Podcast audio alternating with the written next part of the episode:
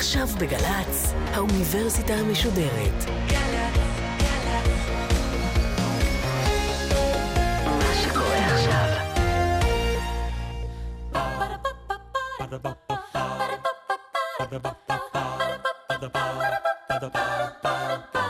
האוניברסיטה המשודרת מציגה מבוא ל עם מאיה להט קרמן, והסמסטר שפה, והפעם שיחה עם הפרופסור נעמה פרידמן, חוקרת שפה ומוח מאוניברסיטת תל אביב, על רכישת שפה. עורכת ראשית, מאיה גאייר. ערב טוב. ללמוד שפה זו לא משימה קלה. בשיעורים בבית הספר או באוניברסיטה, או לחלקנו בשיעורים פרטיים, דרך ספרים, בעזרת אפליקציות, דרושה הרבה מאוד השקעה כדי להשיג שליטה בשפה שנייה. כמבוגרים, אנחנו אמנם מצוידים בידע מוקדם על איך השפה צריכה להישמע, אבל uh, רבים מאיתנו לא יצליחו לעולם להגיע לרמה של דובר ילידי, שנולד עם השפה, גם לאחר שנים ארוכות של תרגול. מצב זה הופך למתסכל במיוחד כאשר אנחנו פוגשים בילד קטן, דובר אה, שפה זרה מבחינתנו, בן שלוש או ארבע, הוא מקשקש בלי הפסקה, ואנחנו לא מצליחים לנהל איתו אפילו שיחה בסיסית. תינוקות לומדים שפה בזמן קצר להפליא, והם עושים זאת ללא כל תהליך הוראה שיטתי או מאורגן. איך הם עושים את זה? האם הם מצוידים בכלים מולדים? כלים שמאפשרים להם להשתלט על היכולת המורכבת הזאת? ומדוע למבוגרים קשה כל כך להשתמש באותם כלים כדי ללמוד שפה שנייה? והאם קיים גיל קריטי בתקופת הילדות שבו ניתן לרכוש שפה נוספת בקלות יחסית? על כל אלה נדבר עם הפרופסור נעמה פרידמן. היא פרופסור לנוירופסיכולוגיה של השפה באוניברסיטת תל אביב, עומדת בראש הקתדרה להתפתחות הילד וחינוכו על שם ברנקו וייס, ובראש המעבדה לחקר שפה ומוח, והמעבדה לחקר התפתחות הילד על שם אדלר באוניברסיטת תל אביב גם כן, וכן בראש התוכנית הבינתחומית לתלמידים מצטיינים על שם עדי לאוטמן. ערב טוב לך, הפרופסור פרידמן. ערב טוב. את חוקרת כמה וכמה נושאים, רק בחלקם ניגע היום, בין השאר אפזיה, שזה הפרעות שפה בעקבות פגיעת מוח, הפרעות שפה ותחביר, דיסלקסיה, עיבוד משפטים בזמן אמת, רכישת שפה בעברית ובערבית פלסטינית, אבל נתחיל לאט לאט, ולפי הסדר, בשאלת היסוד, מהו תהליך רכישת השפה? תהליך רכישת השפה, שכפי שאמרת קודם, הוא באמת תהליך פלאי, שקורה בזמן קצר וללא הוראה מכוונת, הוא תהליך שלמעשה מתחיל כבר כשהעובר נמצא ברחם. אנחנו יודעים היום שעוברים שנמצאים ברחם כבר יודעים למשל להבחין בין אה, שפות עם אה, מאפיינים אה, קצביים שונים. למשל, יכולים להבחין בין אה, שפת האם שלהם אנגלית, שפת האם במובן הליטרלי, השפה שאימא שלהם מדברת כשהם בתוך בטנה, לבין סינית מנדרינית למשל.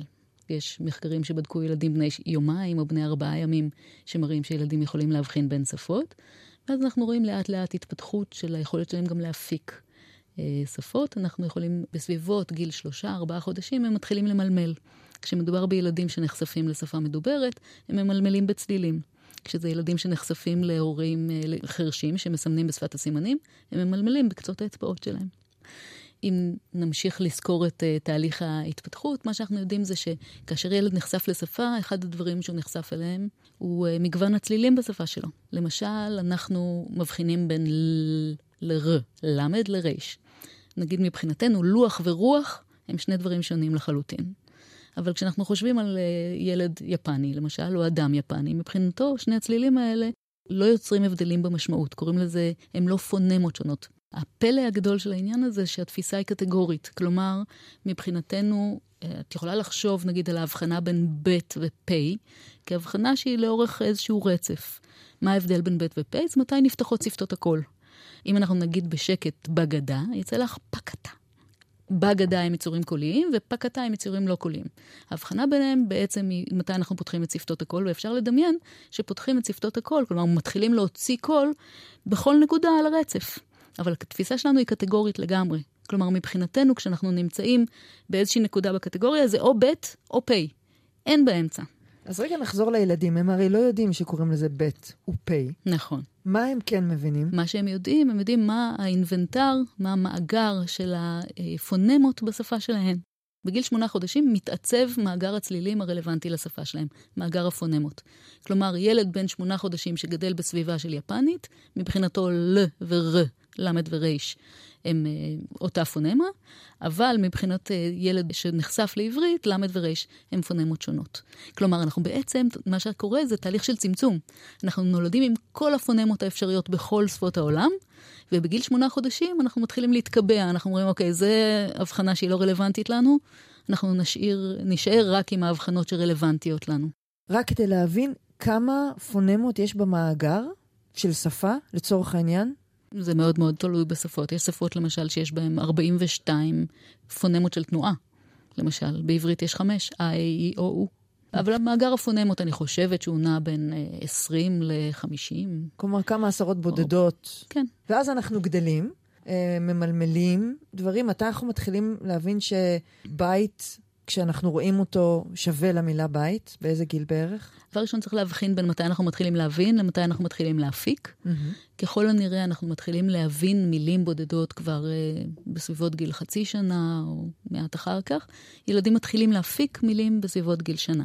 עכשיו, כל דבר שאני אגיד עכשיו לגבי באיזה גיל, אני רוצה לסייג כבר עכשיו ולומר שתהליך ההתפתחות הוא מאוד מאוד שונה בין ילדים. ואם יש ילד שלא מפיק מילה בגיל שנה, אבל הוא מפיק מילה בגיל שנה וארבעה חודשים, אז זה פשוט הקצב שלו.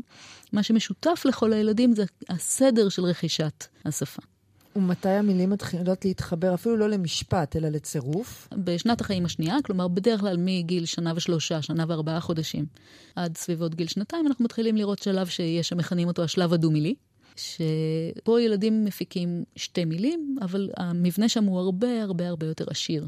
כלומר, זה לא רק שהם מחברים שתי מילים, בעצם יש להם תחביר שלם שמאפשר להם לבנות משפטים בני שתי מילים. ואז הילדים גדלים וממשיכים. מתי אנחנו אה, כילדים בונים ממש משפטים אה, שלמים אה, מעבר לשתי המילים? אז שתי מילים זה כבר יכול להיות משפט אה, נכון. לתפארה. אם אנחנו אומרים, הבלון התפוצץ, זה כבר משפט. אם אנחנו אומרים, אה, הילד בוכה, זה משפט. בשלב הבא אנחנו רואים את המשפטים מתחילים אה, להיות מורכבים יותר וארוכים יותר. למשל, אנחנו מתחילים לראות משפטים משועבדים שמתחילים להופיע. מה זה משפט משועבד? זה משפט עם ש. כמו למשל, אם אני אומרת, הילדה חשבה שהגלידה טעימה, יש לי פה בעצם משפט שמשועבד למשפט אחר. הילדה חשבה הוא המשפט העיקרי, ושהגלידה טעימה הוא משפט שמשועבד לו. אנחנו מדברים עכשיו על גיל, נגיד? אנחנו יכולים לראות את זה כבר בגיל שנתיים וחצי. או שנתיים ושלושה חודשים, יש ילדים שכבר משעבדים משפטים. משם אנחנו ממשיכים לשלב של, התחביר ממשיך אה, להסתבך, ושם אנחנו מתחילים לדבר על אה, משפטים עם תנועה תחבירית. מה זה תנועה תחבירית? זה כמובן מתבקש לשאול בשלב זה. למשל, כשאנחנו מדברים על עברית, אנחנו מדברים על סדר מילים שבו בדרך כלל מי שמבצע את הפעולה מופיע לפני מי שמושפע מהפעולה. למשל, אנחנו יכולים להגיד, אה, הילדה שתתה מים, נכון? מבצע הפעולה הוא הילדה, והמושפע הוא המים. אבל אנחנו יכולים גם להגיד, את המים האלה הילדה שתתה בשקיקה, נכון? ואז אם יש לנו את המים האלה, הם המושפע והם מופיעים לפני. המחשבה היא שהמבנה הבסיסי של המשפט הוא, למשל, מבצע פעולה, פועל ומושפע, ואז אם אנחנו אומרים משפט שבו המושפע הוא ראשון, חלה בו תנועה תחבירית. מה זה אומר תנועה תחבירית? המושפע נע לתחילת המשפט. האם זה בסדר שאני אתרגם את זה ליכולת לשחק טיפה עם השפה? לחייר בה קצת? זה, זה בהחלט uh, לחייר בשפה, אבל זה לחייר בשפה לפי חוקים מאוד ספציפיים. יש דברים שאנחנו יכולים להזיז, יש דברים שאנחנו לא יכולים להזיז. יש מקומות שאנחנו יכולים להזיז להם. למשל, אי אפשר להגיד, הנסיכה, הנסיך אהב את. נכון? אנחנו יכולים להגיד את הנסיכה, הנסיך אהב. או הפוך כמובן. את הנסיכה אהב כן. הנסיך, אבל לא הנסיכה, הנסיך אהב את. כלומר, יש דברים שאנחנו יכולים להזיז ויש דברים אחרים שאיננו יכולים להזיז. והכללים האלה הם חלק מהכללים שילדים רוכשים בשנה השנייה או השלישית לחיים שלהם. מה יכול לזוז ומה לא יכול לזוז. ואז אנחנו מתחילים לראות אותם אומרים כל מיני משפטים שיש בהם תנועה תחבירית. זה בגיל שנתיים, שלוש, אנחנו רואים אותם אומרים, שואלים שאלות. אחד הדברים הכי חשובים לילד שמתפתח זה לשאול שאלות. הרבה מהשאלות שהם שואלים הן שאלות שדורשות תנועה תחבירית. למשל, איזה שוקולד קנית לי היום? כן, איזה שוקולד קנית לי היום? זה משפט עם תנועה תחבירית. את קנית לי היום איזה שוקולד. מה שאת אומרת לי פה בעצם, זה שמה שמבוגרים לוקח להם המון זמן בשפה זרה להבין מה מותר להפוך ומה לא, ילדים פעוטים ממש, בגיל מאוד צעיר, מבינים אינטואיטיבית. כן. עכשיו, הם מבינים אינטואיטיבית, ככל הנראה, מכיוון שיש להם איזושהי אה, מערכת שמאפשרת להם לרכוש שפה בצורה מאוד אה, יעילה. אבל הם לא מבינים את זה באופן מיידי.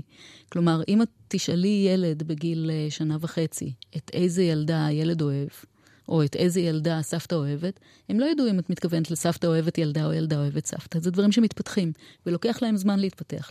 גם uh, שאלה כמו, או משפט כמו זאת הילדה שהסבתא אוהבת, הם מבינים רק בגיל 6. מעניין, זאת אומרת, עכשיו את מרחיבה את התחום לשש שנים ראשונות, לא נכון, רק לשלוש. נכון. אנחנו התחלנו לדבר על מתי אנחנו רואים ניצנים של משפטים עם תנועה, אבל למעשה כאשר אנחנו בודקים, וזה אה, חלק ניכר מהמחקרים שאנחנו עושים, בודקים מתי ילדים מצליחים ממש להבין משפטים כאלה. ואנחנו רואים שבכיתה א' הם כבר מבינים, יש ילדים שכבר בגיל חמש מבינים, אבל לפני כן רוב הילדים אינם מבינים משפטים שיש בהם כזאת תנועה של המושפע.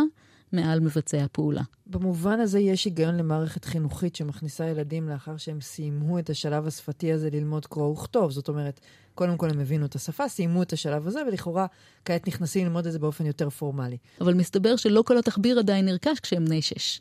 למשל, משפטים כמו הסבתא שהילדה נשקה נרדמה, הם לא מבינים אותם עד כיתה ד'. וזה קשור להתפתחות של אזור ספציפי במוח, שאחראי על סוג של זיכרון עבודה תחבירי, שרק בסביבות גיל 10-11 הוא מבשיל, הוא מאפשר להם להבין את המשפטים האלה. משום שאתה צריך לשמור את הסבתא באיזשהו מקום בזיכרון עד שאתה מבין מה קרה איתה, בסוף בדיוק, המשפט. בדיוק. עכשיו, הרבה פעמים אנחנו בכלל לא מודעים לזה שאנחנו אומרים לילדים משפטים, אנחנו שואלים אותם שאלות, ואין להם מושג בכלל מה שאלנו.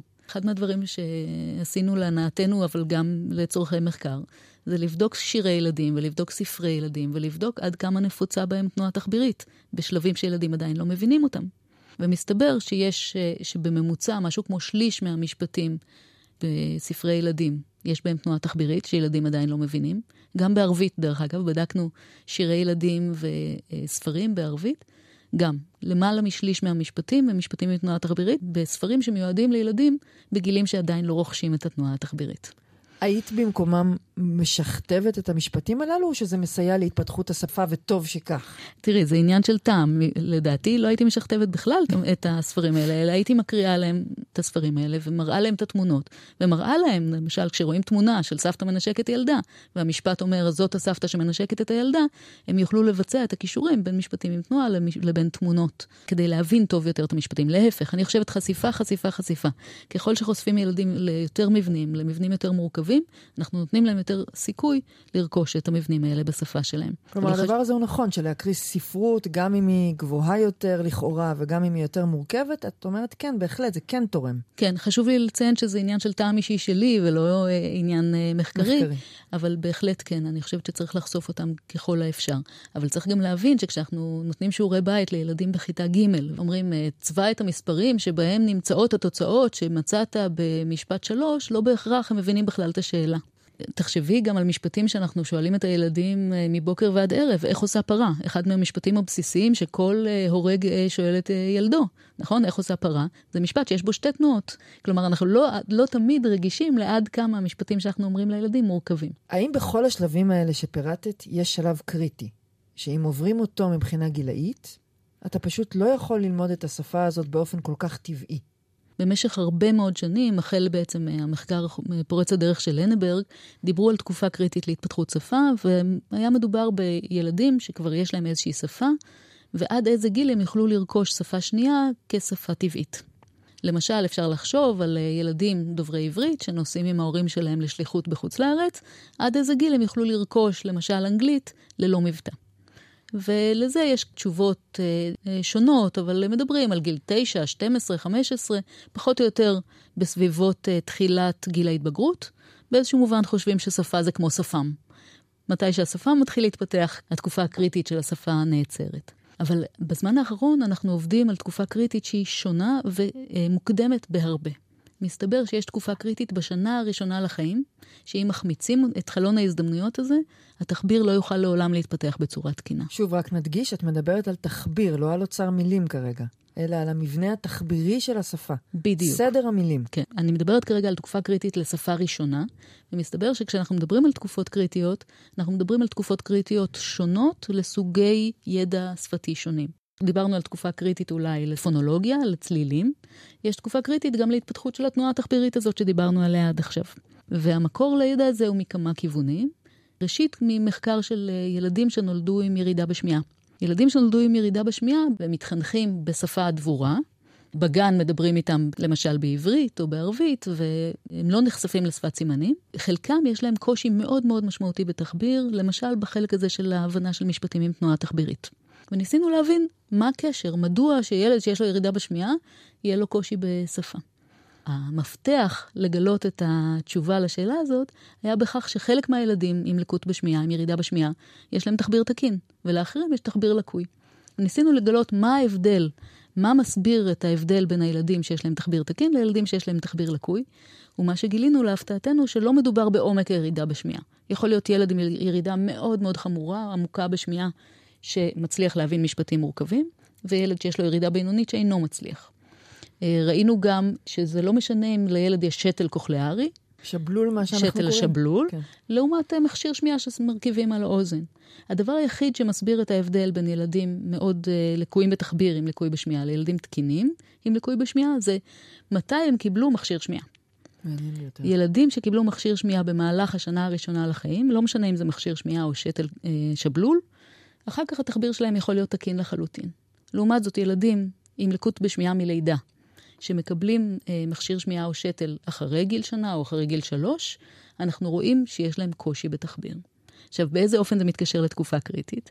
הילדים שלא קיבלו קלט לשוני מספיק בשנה הראשונה לחיים, בגלל שהם לא שמעו טוב, פספסו את חלון ההזדמנויות לרכישה של תחביר, ולכן בשלב מאוחר יותר אנחנו בודקים אותם כשהם uh, בכיתה ד' למשל, או גם כשהם מבוגרים, אנחנו רואים שיש להם קושי בתחביר. כלומר, קלט לשוני הוא הכרחי בשנה הראשונה לחיים, כדי אחר כך לפתח תחביר תקין. הרבה פעמים אנשים אומרים, טוב, הוא לא שומע כל כך טוב, כשהוא ייכנס לגן נשים לו מכשירים, כשייכנס לבית הספר נשים לו מכשירים. אבל זה כבר הרבה הרבה אחרי התקופה הקריטית.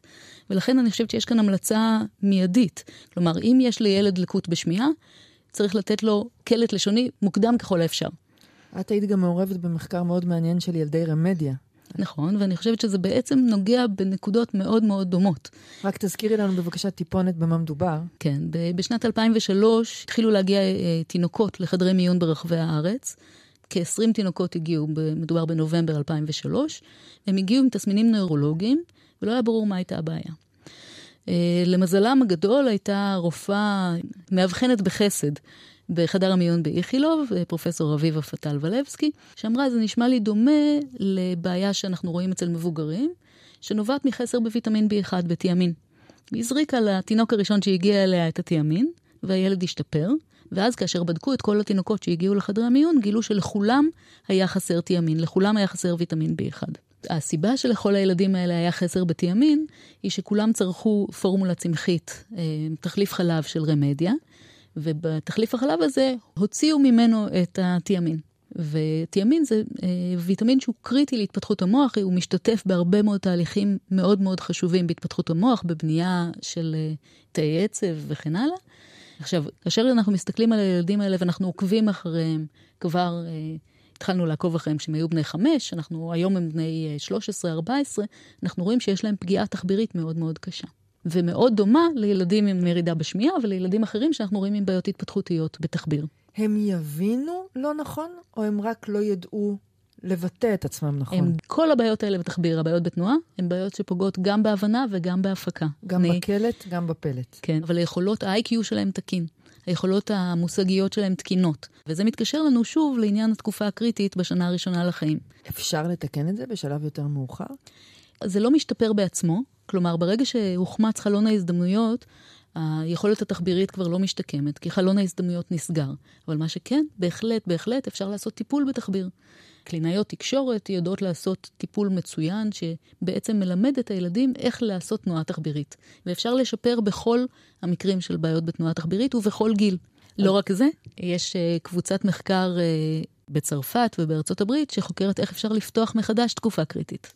כלומר, היום הם כבר יודעים לפתוח מחדש תקופות קריטיות באמצעות מנגנונים ביולוגיים אצל עכברים, ואנחנו מקווים שיום אחד אנחנו נוכל גם אה, להשתמש בזה לאנשים שיש להם קשיים בשפה, לפתוח עבורם את התקופה הקריטית ולאפשר להם ללמוד שפה כמו תינוקות. והנה, הפכת את המילה לרכוש למילה ללמוד. מה באמת ההבדל בין רכישת שפה ללמידת שפה? אני אה, מבחינה בין רכישת שפה ללמידת שפה. רכישת שפה זה התהליך הטבעי הזה שקורה אצל אה, תינוקות וילדים צעירים שרוכשים את השפה בעצמם מתוך הקלט הלשוני שיש בסביבתם, לעומת למידת שפה שהיא למידה פורמלית. אוצר מילים בנפרד מתחביר גם הוא נרכש, או שהוא כבר נלמד? אוצר המילים הוא בוודאי נרכש, אבל אנחנו לא מכירים תקופה קריטית לרכישה של אוצר מילים. למשל, אצל אותם ילדי רמדיה, בגילים הצעירים היה לנו חשש שיש להם בעיה גם בתחום המילים, ועם הזמן, ככל שאנחנו בודקים אותם כשהם מתבגרים, הם מדביקים את הפער. כלומר, הם מצליחים לרכוש את המילים ומצליחים לשלוף אותם, בעוד שהתחביר נותר מאחור. דיברנו על ילדים שיש להם פגיעה שפתית בגלל אה, חוסר במזון נכון, בגלל חוסר חשיפה מספקת לשפה. אלה הסיבות היחידות לפגיעה שפתית או תחבירית? לגמרי לא. אנחנו רואים הרבה מאוד ילדים שיש להם אה, קושי התפתחותי, כלומר קושי מולד בשפה. קוראים לזה SLI, Specific Language Impairment, וגם בתוך הקבוצה הזאת של הילדים אנחנו יכולים להבחין בין ילדים שיש להם קושי אך ורק בתחביר, למשל בתנועה תחבירית, ילדים שיש להם, להם קושי בשליפה של מילים. למשל, אם הם רוצים, הם רואים ג'ירפה, והם רוצים להגיד ג'ירפה. הם יודעים, הם מכירים את החיה, והם גם מכירים את המילה. אבל הם לא מצליחים לשלוף את המילה. ואז הם יכולים או להגיד, נו, נו, החיה הזאת עם הצוואר הארוך שאוכלת מענפי העצים, או שהם יכולים להגיד, נו, ג'יפרה, ג'יפרה. כלומר, אנחנו יכולים לראות גם קושי שמתבטא בהיסוס ארוך, או קושי שמתבטא במעקף, בלנסות להסביר מהו הדבר שאני רוצה לדבר עליו, או טעות פונולוגית, טעות צלילית, למשל סיכול של הצלילים. כלומר, אנחנו לא מדברים על מבוגרים שמתקשים להיזכר במילה והסיבות יכולות להיות אחרות, אלא ילד שכך הוא נולד, כך הוא בונה בדיוק, את השפה שלו. בדיוק, ואנחנו רואים ילדים שזה באופן ספציפי הבעיה שלהם. אז זה עוד סוג של בעיית שפה שיכולה להיות התפתחותית, כלומר מלידה. וכל הדברים שאמרת, אנחנו יודעים לזהות איפה הם נמצאים? זה מקום ספציפי במוח שמשבש את העניין הזה או העניין האחר? בהחלט, כן. יש שני מקורות עיקריים להבנת הייצוג המוחי של שפה, או של תפקודי שפה שונים. אנחנו יכולים להסתכל מה המוח עושה בזמן אמת כאשר אה, אדם שומע משפט. ולראות אזורים במוח ש- שמגיבים, למשל, בהדמיה מוחית, ב-FMRI, ב-functional MRI, אזורים במוח שמגיבים, לדוגמה, לתנועה תחבירית, או אזורים במוח שפועלים כאשר אנחנו קוראים מילה. אני יכולה לתת לאדם שנמצא, שוכב לו להנאתו בתוך המגנט, בתוך ה-MRI, אני יכולה לתת לו משפט כמו, אה, הסבתא נשקה את הילדה הג'ינג'ית, ומשפט, את הילדה הג'ינג'ית הסבתא נשקה.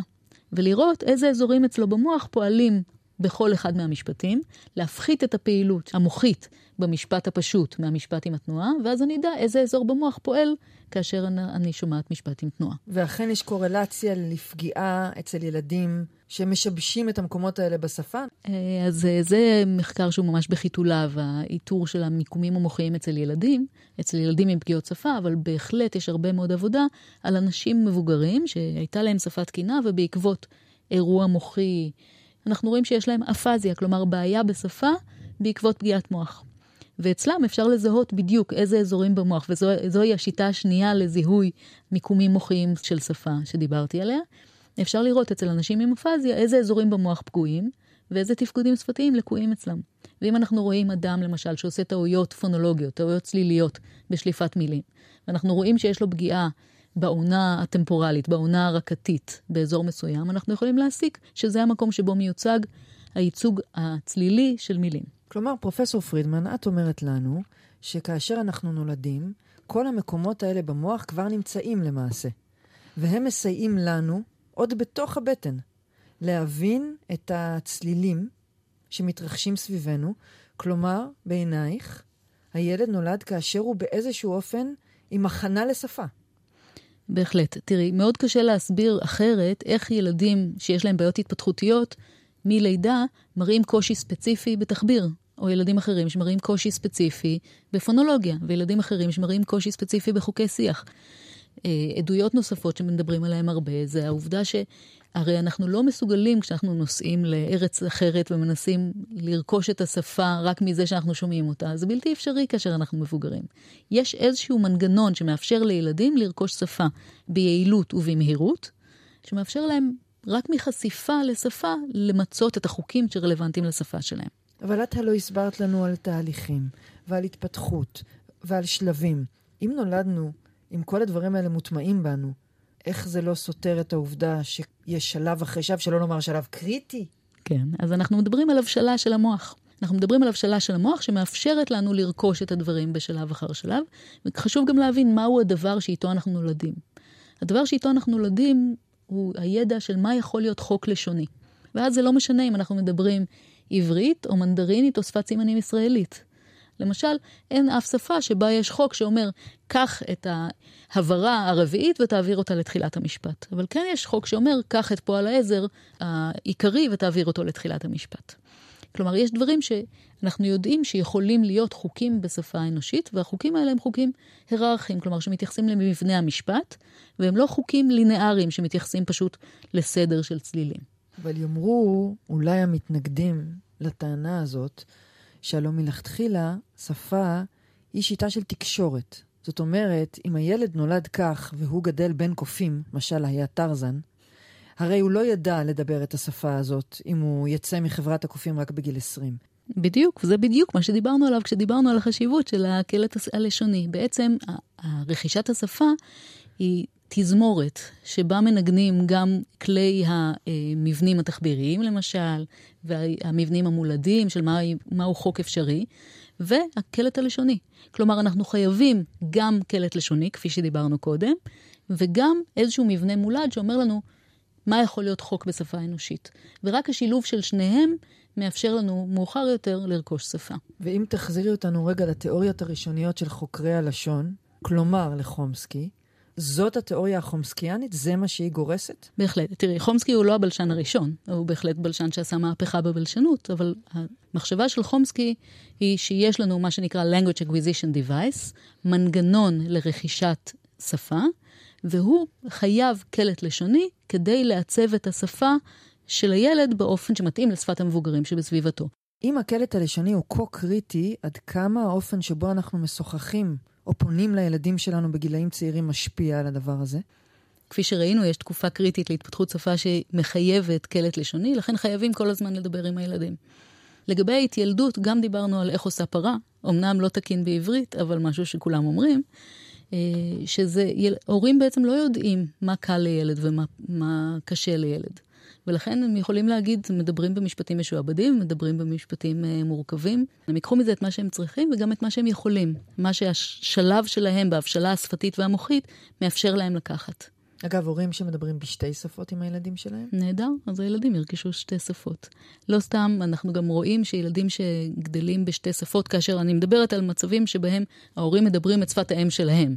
לא שההורים מדברים שפה שהיא לא שפת האם שלהם, אבל כששני הורים מדברים בשתי שפות שונות אל הילד, הילדים גם גדלים לא רק עם ידע של שתי שפות, אלא גם עם ידע על-לשוני. כלומר, הם יודעים שיש שפות שונות, הם יודעים שאנשים שונים מדברים בשפות שונות, וכאשר יש ילד דו-לשוני, שיש לו בעיות בשפה, למשל, אז הרבה יותר קל לטפל בו.